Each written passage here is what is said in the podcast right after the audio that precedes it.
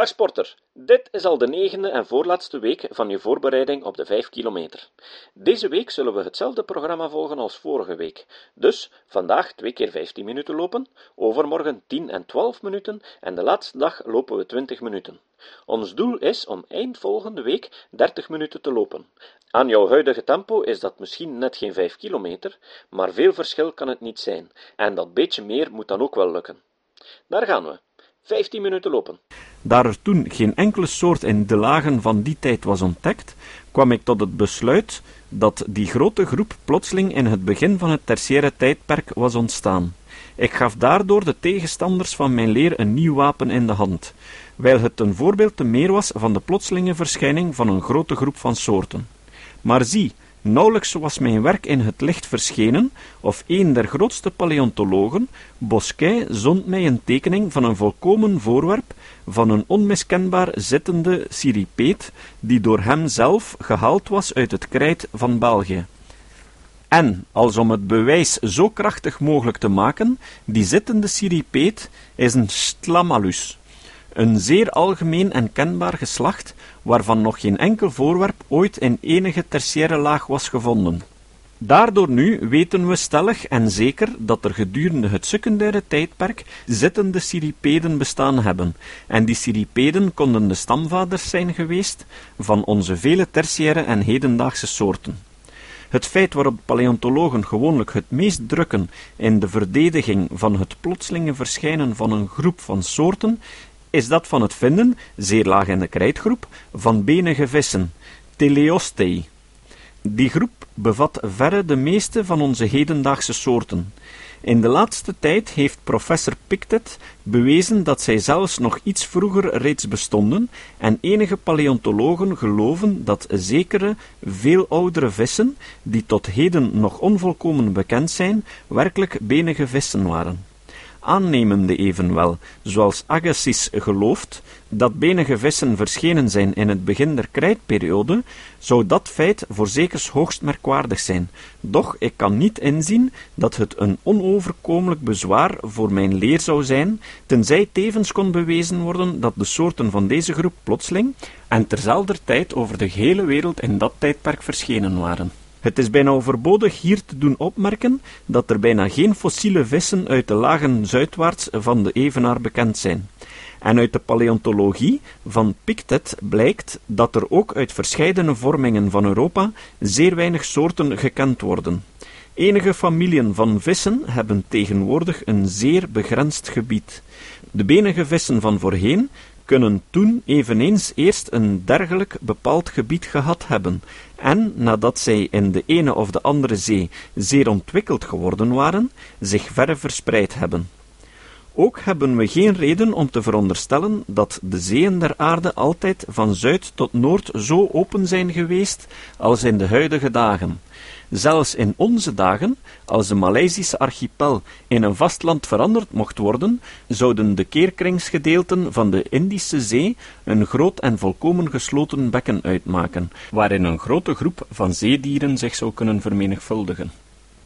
Daar zouden ze dan blijven, totdat enige soorten geschikt werden om een koeler klimaat te bewonen, en in staat waren de zuidelijke kapen van Afrika en Nieuw-Holland om te trekken, ten einde zodoende in andere en verwijderde zeeën te geraken. Volgens deze en dergelijke denkbeelden, maar vooral ten gevolge van onze onbekendheid met de geologie van andere gewesten, behalve van die in Europa en in de Verenigde Staten, en ten gevolge van de omwenteling in onze paleontologische denkbeelden door de onderzoekingen van de laatste twaalf jaren verwekt, schijnt het mij toe voor ons even dwaas te zijn stellingen te opperen over de opvolging der bewerktuigde wezens, over de gehele wereld, als het dwaas zou zijn van een natuurkundige, die sedert vijf minuten aan land gestapt was op een dorre plek in Nieuw-Holland, en die dan reeds over het getal en de rangschikking der wezens die dat land bewonen, zou willen meepraten. Als je niet meer kan praten, ga je veel te snel over de plotselinge verschijning van groepen van verwante soorten in de oudste fossielvoerende lagen. Er is nog één en een wel veel grotere zwarigheid. Ik bedoel de wijze waarop vele soorten van dezelfde groepen plotseling in de oudste bekende fossielvoerende lagen tevoorschijn komen. De meeste redenen die mij overtuigd hebben dat alle bestaande soorten van dezelfde groep afkomstig zijn van één stamvader, zijn met bijna dezelfde kracht op de oudste soorten van toepassing. Zo kan ik bijvoorbeeld niet twijfelen of alle Silurische tribolieten zijn afkomstig van een schaaldier dat lang voor het Silurische tijdperk geleefd moet hebben, en dat waarschijnlijk grotelijks van enig bekend dier verschilde.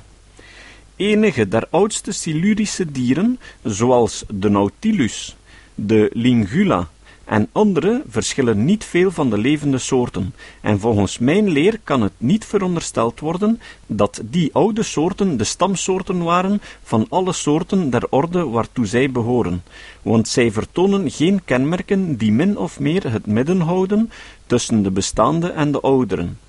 Indien ze bovendien de stamouders dier orden geweest waren, zouden ze bijna zeker reeds lang geleden door haar talrijke en verbeterde afstammelingen verdrongen en uitgeroeid zijn geworden. Gevolglijk, als mijn leer waar is, kan het niet betwist worden dat er, voordat de oudste Silurische lagen werden afgezet, lange tijdperken verlopen zijn, zolang als, of misschien veel langer dan de gehele tijd van het Silurische tijdvak tot de tegenwoordige dag. En dat gedurende die ontzaglijk lange, maar volkomen onbekende tijdperken de wereld van levende schepselen krioelde. Op de vraag waarom we geen overblijfselen van die grote, lang verlopende tijdperken vinden, kan ik geen voldoende antwoord geven. Vele grote geologen, met R. Murchison aan het hoofd, zijn overtuigd dat we in de fossielen der onderste Silurische lagen de dageraad des levens op onze planeet zien. Andere zeer bevoegde rechters, zoals Lyell en nu wijlen E. Forbes, betwisten dat. We mogen niet vergeten dat we slechts een klein gedeelte der aarde nauwkeurig kennen. Barande heeft in de laatste tijd een nieuwe en lagere vorming gevoegd bij het Silurische stelsel, overvloeiende van nieuwe en bijzondere soorten. En sporen van leven zijn er zelfs ontdekt in de Longmint-beddingen beneden de zogenaamde primordiaalzone van Barande. De aanwezigheid van fosfaten en van bitumineuze stoffen in enige der onderste azoïsche gesteenten wijst waarschijnlijk op het eenmaal bestaan hebben van leven in die tijdperken, maar het is moeilijk te begrijpen waarom er geen grote stapels van fossielvoerende lagen gevonden worden, die volgens mijn leer ergens op aarde voor de Silurische tijd afgezet moeten geworden zijn. Indien die zeer oude beddingen geheel weggeknaagd waren geworden, of door metamorfose omgezet, moesten wij tenminste kleine overblijfselen vinden van de vormingen die er in ouderdom het naast opvolgden. En ook deze moesten gemetamorfoseerd zijn. Doch de beschrijvingen die wij bezitten van de Silurische vormingen over ontzettend grote uitgestrektheden in Rusland en in Noord-Amerika geven geen aanleiding om te denken dat hoe ouder een vorming is, zij ook altijd des te meer geleden heeft door de afslijting of door metamorfosis. Al acht minuten voorbij. Tot heden moet dus deze vraag onopgelost blijven, en mag inderdaad gebezigd worden als een krachtig bezwaar tegen de leer die in dit boek wordt verkondigd. Maar om te bewijzen of dat die vraag naderhand haar oplossing zal kunnen vinden, veroorloven men mij de volgende veronderstelling uit de natuur der bewerktuigde overblijfselen, welke niet op grote diepte schijnen geleefd te hebben, en die gevonden worden in verschillende vormingen van Europa en van de Verenigde Staten, en uit de bezinksels van vele mijlen dikte, waaruit de vormingen zijn samengesteld, mogen wij afleiden dat er in het eerst zowel als in het laatst grote eilanden of landtongen van waar het bezinksel afkomstig was, bestaan hebben in de nabuurschap van de bestaande vaste landen van Europa en Noord-Amerika. Maar we weten niet hoe de toestand der dingen was in de tussenpozen van de opvolgende vormingen. Of Europa en de Verenigde Staten gedurende die tussenpozen bestonden, of als droog land, of als zeebodem in de omtrek van het droge, waarop geen afslijtsel bezonk, of als de grond van de opene en onpeilbare diepe zee. We zien dat de tegenwoordige oceaan, welke driemaal groter is dan het land, met vele eilanden als bezaaid is, doch geen eiland van de oceanen is tot op heden bekend, het welk zelfs een spoor van paleozoïsche of secundaire vormingen vertoont. Daaruit mogen we misschien afleiden dat er gedurende de paleozoïsche en secundaire tijdperken nog vaste landen, nog eilanden nabij het vasteland gelegen bestonden, ter plaatse waar nu de oceaan zich bevindt. Want hadden ze daar bestaan, dan zouden er naar alle waarschijnlijkheid paleozoïsche en secundaire vormingen bezonken zijn uit het afslijtsel dier landen en eilanden zelf. Die bezinksels zouden tenminste gedeeltelijk opgeheven zijn geworden door de veranderingen van het waterpas van de bodem, het welk we veilig geloven mogen dat gedurende die ontzaglijk lange tijdperken zal zijn geschied. Als we dus iets uit die feiten mogen afleiden, mogen we besluiten dat, waar onze zeeën zich nu uitstrekken, de oceaan zich uitgestrekt heeft sedert het verste tijdperk waarvan wij kennis dragen, en aan de andere kant dat, waar nu de vaste landen zijn, grote landen bestaan hebben, ongetwijfeld onderworpen aan rijzing en zakking sedert de eerste silurgische tijd. De gekleurde wereldkaart die bij mijn werk over de koraalriffen gevoegd is, geeft mij aanleiding om te besluiten dat de grote zeeën nog hoofdzakelijk altijd zakkende zijn, de grote eilandengroepen nog altijd beurtelings reizende en zakkende, en de vaste landen nog altijd reizende. Doch hebben we enig recht om te vermoeden dat het zo geweest is sedert te beginnen. Onze vaste landen schijnen gevormd te zijn door een overwicht van de kracht der rijzing gedurende vele afwisselingen van het waterpas des bodems. Maar zullen die plaatsen waar de grootste bewegingen geschieden niet veranderd zijn gedurende de loop der tijden, in een tijdperk ondenkbaar lange tijd vroeger dan de Silurische tijden, zullen er vaste landen bestaan kunnen hebben waar nu zeeën zijn en grote en opene zeeën kunnen er geweest zijn waar onze vaste landen thans liggen. Ook zouden we niet gerechtvaardigd zijn in het vermoeden dat, indien bijvoorbeeld de bodem van de stille Zuidzee nu veranderd werd in een vast land, wij daar vormingen zouden vinden ouder dan de Silurische lagen, veronderstellende dat er vroeger zulke waren afgezet want het kon wel gebeuren dat lagen die enige mijlen dichter bij het middelpunt der aarde gelegen hadden en die door het ontzaglijke gewicht van het water gedrukt waren geworden, een veel grotere metamorfose hadden ondergaan dan zulke lagen die altijd dichter bij het oppervlakte waren geweest. De grote uitgestrektheden in sommige gedeelten van de wereld, zoals in Zuid-Amerika, van zuiver gemetamorfoseerde gesteenten, die onder een grote drukking verhit moeten zijn geworden, hebben mij altijd toegeschenen een afzonderlijke verklaring te vorderen. We mogen misschien geloven dat we in die grote uitgestrektheden de vele vormingen zien, veel vroeger ontstaan dan de Silurische, in een volkomen gemetamorfoseerde toestand. Verschillende bezwaren die wij hier besproken hebben, namelijk dat we niet in de opvolgende vormingen een oneindig getal vinden van overgangen en tussenvormen van de soorten die nu bestaan en voorheen bestaan hebben, de plotselinge verschijning van gehele groepen van soorten in onze Europese vormingen, de bijna volkomen afwezigheid, in zoverre tegenwoordig bekend is, van fossielvoerende vormingen beneden de Silurische lagen, zijn alle ongetwijfeld van de ernstigste graad. We zien dit ten duidelijkste bewezen door het feit dat alle grote en beroemdste paleontologen, Cuvier, Agassiz, Barrande, Falconier, Forbes en anderen, en alle grote geologen, Lyell, Murchison, Sedgwick, eenstemmig, ja soms hevig strijden voor de onveranderlijkheid der soorten. Doch ik heb redenen om te geloven dat een groot geoloog, Sir Charles Lyell, door verder nadenken ernstig in deze begint te twijfelen. Ik gevoel het hoe gewaagd het is van een ander gevoelen te zijn dan die grote geleerden, aan wie wij al onze kundigheden te danken hebben. Hij die denkt dat onze geologische natuurkennis volmaakt is en die niet veel gewicht hecht aan de feiten en bewijzen in dit boek gegeven, zal ongetwijfeld mijn leer ineens verwerpen. Ik voor mij, Laios gelijkenis nazeggende, beschouw de geologische natuurkennis als een geschiedenis der wereld, die nalatig en onvolkomen bijgehouden is, en geschreven in verschillende talen en tongvallen.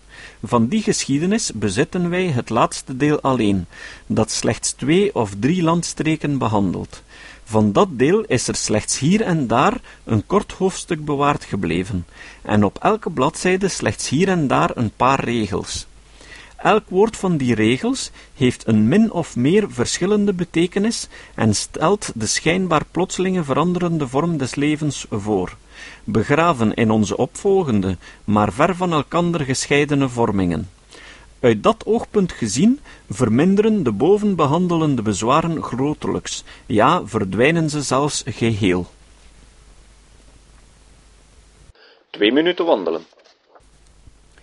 Tiende hoofdstuk over de geologische opvolging der bewerktuigde wezens, over het langzaam en opvolgend verschijnen van nieuwe soorten, over de verschillende maten van veranderingen. Soorten die eens verloren zijn, verschijnen niet weder. Groepen van soorten volgen dezelfde regels in haar verschijning en verdwijning als de eenvoudige soorten. Over de uitsterving, over de gelijktijdige verandering in de vormen des levens over de gehele aarde, over de verwantschappen van uitgestorven soorten tot elkander en tot levende soorten, over de ontwikkeling van oude vormen, over de opvolging van dezelfde grondvormen binnen dezelfde omtrek. Overzicht van het vorige en van dit hoofdstuk. Laat ons nu zien of de verschillende feiten en regels, de geologische opvolging van de bewerktuigde wezens betreffende, beter overeenstemmen met het gewone gevoelen over de onveranderlijkheid der soorten, dan met dat over haar langzame, trapsgewijze wijziging door de afstamming en door de natuurkeus. Nieuwe soorten zijn zeer langzaam verschenen, de ene na de andere, zowel op het land als in het water.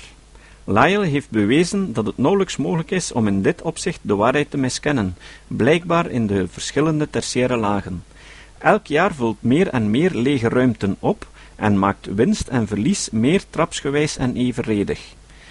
In enige der nieuwste lagen, ofschoon ongetwijfeld van hoge oudheid als ze bij jaren gerekend worden, zijn slechts één of twee soorten verloren gegane vormen, en slechts één of twee soorten zijn nieuwe vormen die daarin voor het eerst verschenen zijn.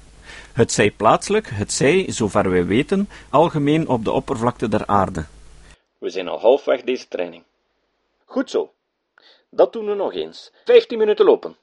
Als we de waarnemingen van Filippi op Sicilië mogen vertrouwen, zijn de opvolgende veranderingen in de zeebewoners van dat eiland zeer trapsgewijze geschied. De secundaire vormen zijn meer gebroken, maar, zoals Bron heeft opgemerkt, noch de verschijning, noch de verdwijning van de vele nu uitgestorven soorten van die lagen zijn gelijktijdig geweest in elke afzonderlijke vorming. Soorten van verschillende geslachten en klassen zijn niet in dezelfde mate of in dezelfde graad veranderd. In de oudste tertiaire lagen worden enige levende schelpdieren te midden van een menigte uitgestorven vormen gevonden. Falconer heeft een treffend voorbeeld van een dergelijk feit gevonden in een nog bestaande krokodil, vergezeld van vele vreemde en verloren zoogdieren en kruipende dieren in de subhimalaïsche bezinksels. De Silurische lingula verschilt slechts weinig van de levende soorten van dat geslacht, terwijl de meesten van de Silurische weekdieren en andere schaaldieren grotelijks veranderd zijn geworden. De voortbrengselen van het land schijnen spoediger te veranderen dan die van de zee, waarvan een treffend voorbeeld in onze dagen in Zwitserland is gevonden. Er is enige grond om te geloven dat bewerktuigde wezens, die beschouwd worden als hoog te staan op de ladder van de natuur, sneller veranderen dan die welke laag staan. Er zijn echter uitzonderingen op die regel. De som van veranderingen der bewerktuiging beantwoordt, zoals Pictet heeft opgemerkt, niet strikt aan de opvolging van onze geologische vormingen, zodat tussen elke twee opeenvolgende vormingen de vormen des levens zelden in dezelfde graad veranderd zijn.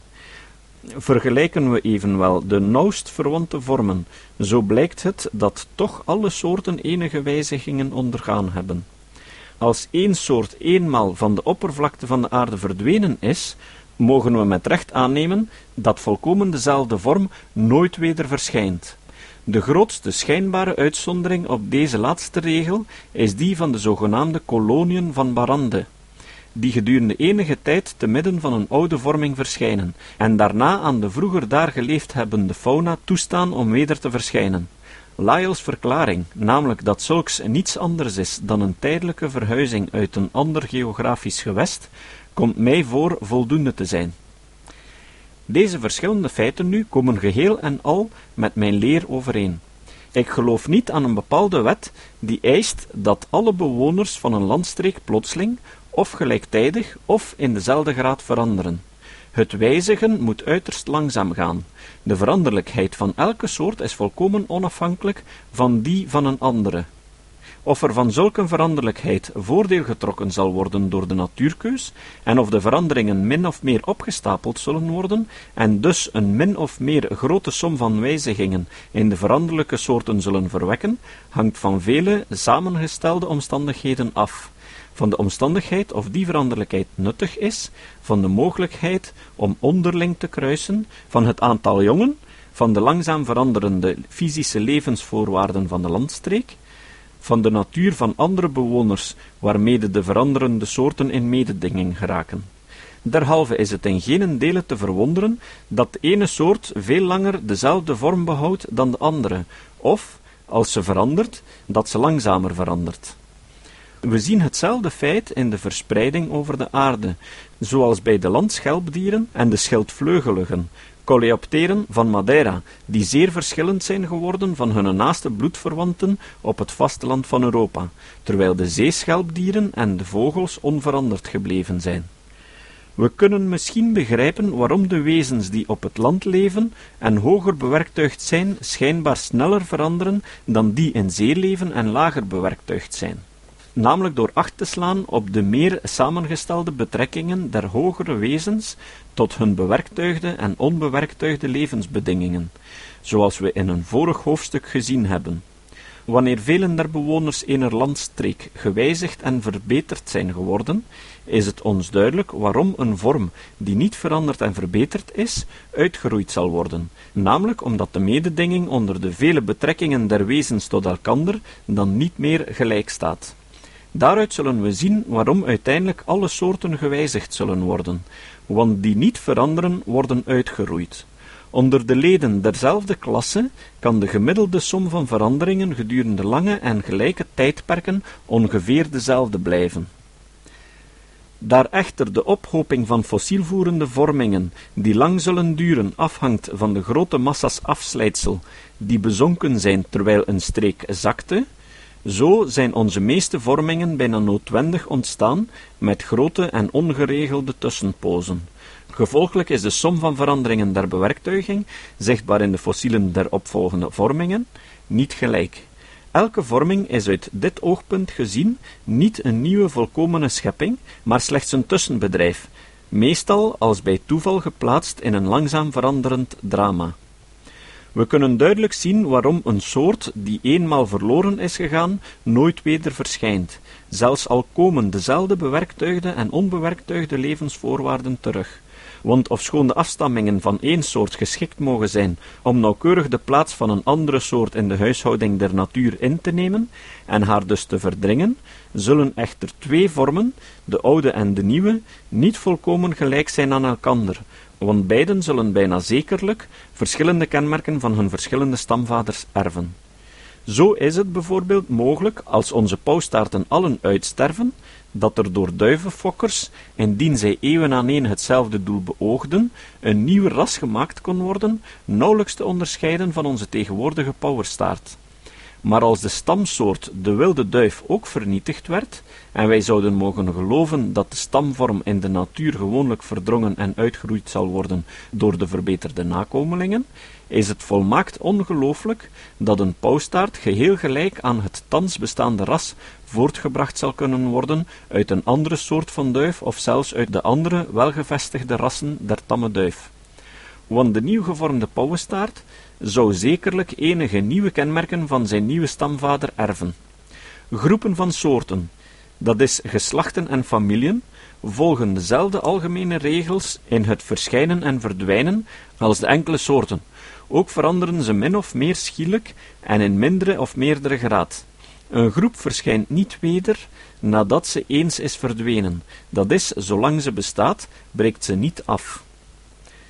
Ik weet dat er enige schijnbare uitzonderingen op deze regel zijn, doch die uitzonderingen zijn uiterst weinig in getal, en wel zo dat E. Forbes, Pictet en Woodward, ofschoon allen hevige tegenstanders van mijn leer, dit alles toestemmen. Ook is die regel volkomen in overeenstemming met mijn leer. Want als alle soorten van dezelfde groep van één enkele soort afkomstig zijn, is het duidelijk dat zolang de ene soort van een groep zich gedurende de lange loop van de eeuwen heeft vertoond, haar leden ook zo lang bestaan moeten hebben, ten einde nieuwe gewijzigde ofwel de oude en ongewijzigde vormen te kunnen voortbrengen. Enige soorten van het geslacht Lingula moeten onafgebroken bestaan hebben gedurende een voortdurende opvolging van generatiën, van de onderste Silurische laag tot op de huidige dag. We hebben in het voorgaande hoofdstuk gezien dat het soms valselijk schijnt alsof er soorten van een groep plotseling verschenen zijn. Ik heb een verklaring daarvan trachten te geven. Dat feit, als het waar was, zou tegen mijn leer getuigen. Doch zulke gevallen zijn zekerlijk uitzonderingen. De regel is een trapsgewijze toename in getal, totdat de groep haar toppen bereikt, en dan, vroeger of later, een trapsgewijze afname. Als het getal der soorten van een geslacht of dat der geslachten van een familie voorgesteld wordt door een rechtopstaande streep van een ongelijke dikte, die dwars door de opvolgende geologische vormingen waarin de soorten gevonden worden, heen loopt, zal die streep somtijds aan haar benedeneinde verschijnen, te beginnen niet in een spitse punt, maar plotseling en breed. Ze wordt dan langzamerhand dikker al naar boven gaande, blijft somtijds een eind weegs even dik en loopt ten laatste dun uit in de bovenste lagen, de afneming en uiteindelijke uitsterving der soort aantonende. Die langzame toename in getal der soorten van een groep is volkomen in overeenstemming met mijn leer. De soorten van hetzelfde geslacht en de geslachten van dezelfde familie kunnen slechts langzaam en al toenemende vermeerderen, want het wijzigen en het voortbrengen van zeker getal van vormen moet langzaam en trapsgewijze gaan. Een soort geeft het aanzijn eerst van twee of drie rassen. Deze worden langzaam in soorten veranderd, welke op haar beurt weder andere soorten voortbrengen, en zo vervolgens, gelijk de takken van een boom zich uitspreiden, totdat er uiteindelijk een grote groep van soorten ontstaat. Prachtig. Niet vertragen. Over de uitsterving. Tot hiertoe hebben we slechts nu en dan loops over de uitsterving van soorten en van groepen van soorten gesproken. In de leer der natuurkeus gaan vernietiging van oude vormen en voortbrenging van nieuwere en verbeterde hand aan hand. Het oude denkbeeld dat alle bewoners der aarde op bepaalde tijdstippen door grote omwentelingen in de natuur, door zogenoemde catastrofen, gedood en van de oppervlakte weggevaagd zouden zijn, dat oude denkbeeld is zeer algemeen opgegeven geworden, zelfs door zulke geologen als Elie de Beaumont, Murchison, Barrande, wier algemene gevoelens hen tot een dergelijk besluit zouden moeten leiden. Integendeel, we hebben alle redenen om te geloven, vooral door het bestuderen der tertiaire vormen, dat soorten en groepen van soorten trapsgewijze verdwijnen, de ene na de andere, eerst van de ene plaats, dan van een andere en uiteindelijk van de gehele wereld. Beide, elke soorten en gehele groepen van soorten bestaan gedurende zeer ongelijke lange tijdperken. Enige groepen hebben bestaan, gelijk wij boven gezien hebben, van de eerste dageraad des levens tot de huidige dag, andere zijn verdwenen voor de afloop van het Paleozoïsche tijdperk. Geen bepaalde wetten schijnen de duur der soorten en der groepen van soorten te bepalen. Er bestaan redenen om te vermoeden dat de volkomen vernietiging van soorten over het algemeen langzamer gaat dan haar voortbrenging. Indien de verschijning en de verdwijning van een groep van soorten afgebeeld wordt door een streep van afwisselende dikte, gelijk we op bladzijde 76 hebben vastgesteld, dan vindt men dat de lijn langzamer dun uitloopt aan haar bovenste gedeelte, waardoor het uitsterven wordt voorgesteld, dan haar benedengedeelte, het welke de eerste verschijning en het toenemen in getal voorstelt. In sommige gevallen evenwel is het verdwijnen van gehele groepen van wezens, zoals de ammonieten, tegen het einde van het secundaire tijdperk wonderbaar plotseling geweest. Die verdringing, Die uitroeiing der soorten is steeds een zeer duistere zaak geweest. Enige schrijvers hebben zelfs verondersteld dat, gelijk het individu een bepaalde lengte van leven heeft, zo ook de soorten een bepaalde duur hebben. Niemand, geloof ik, kan meer over die uitsterving van soorten verwonderd zijn geweest dan ik. Toen ik in La Plata een tand van een paard vond, begraven bij de overblijfselen van Mastodon, Magatherium, Toxodon en andere uitgestorven gedrochten, die allen in gezelschap van nog levende schelpdieren in een zeer jong geologisch tijdperk leefden, kende mijn verwondering geen grenzen. Want ziende dat het paard sedert het door de Spanjaarden in Zuid-Amerika is ingevoerd, in het wild zwerft over de grote vlakten van dat werelddeel en tot in het ongelooflijke in getal heeft toegenomen, vroeg ik aan mijzelven, wat kan het vroegere paard zo plotseling hebben uitgeroeid, onder schijnbaar zo gunstige levensvoorwaarden? Doch, hoe ongegrond was mijn verwondering! Professor Owen ontdekte weldra dat die tand, ofschoon oppervlakkig gezien, zo gelijk aan een tand van een levend paard, ongetwijfeld van een paard van een verschillende soort afkomstig was. Als dit paard nog geleefd had, maar zelden gevonden werd, voorzeker geen enkele natuurkundige zou dit over die zeldzaamheid verwonderd hebben, want de zeldzaamheid is een verschijnsel of een gevolg van een groot getal van soorten in alle klassen en in alle gewesten. Als we onszelf afvragen waarom deze of gene soort zeldzaam is, antwoorden we dat er iets ongunstig is in haar levensvoorwaarden. Maar wat dat iets is, kunnen wij gewoonlijk niet zeggen. Nog één minuut.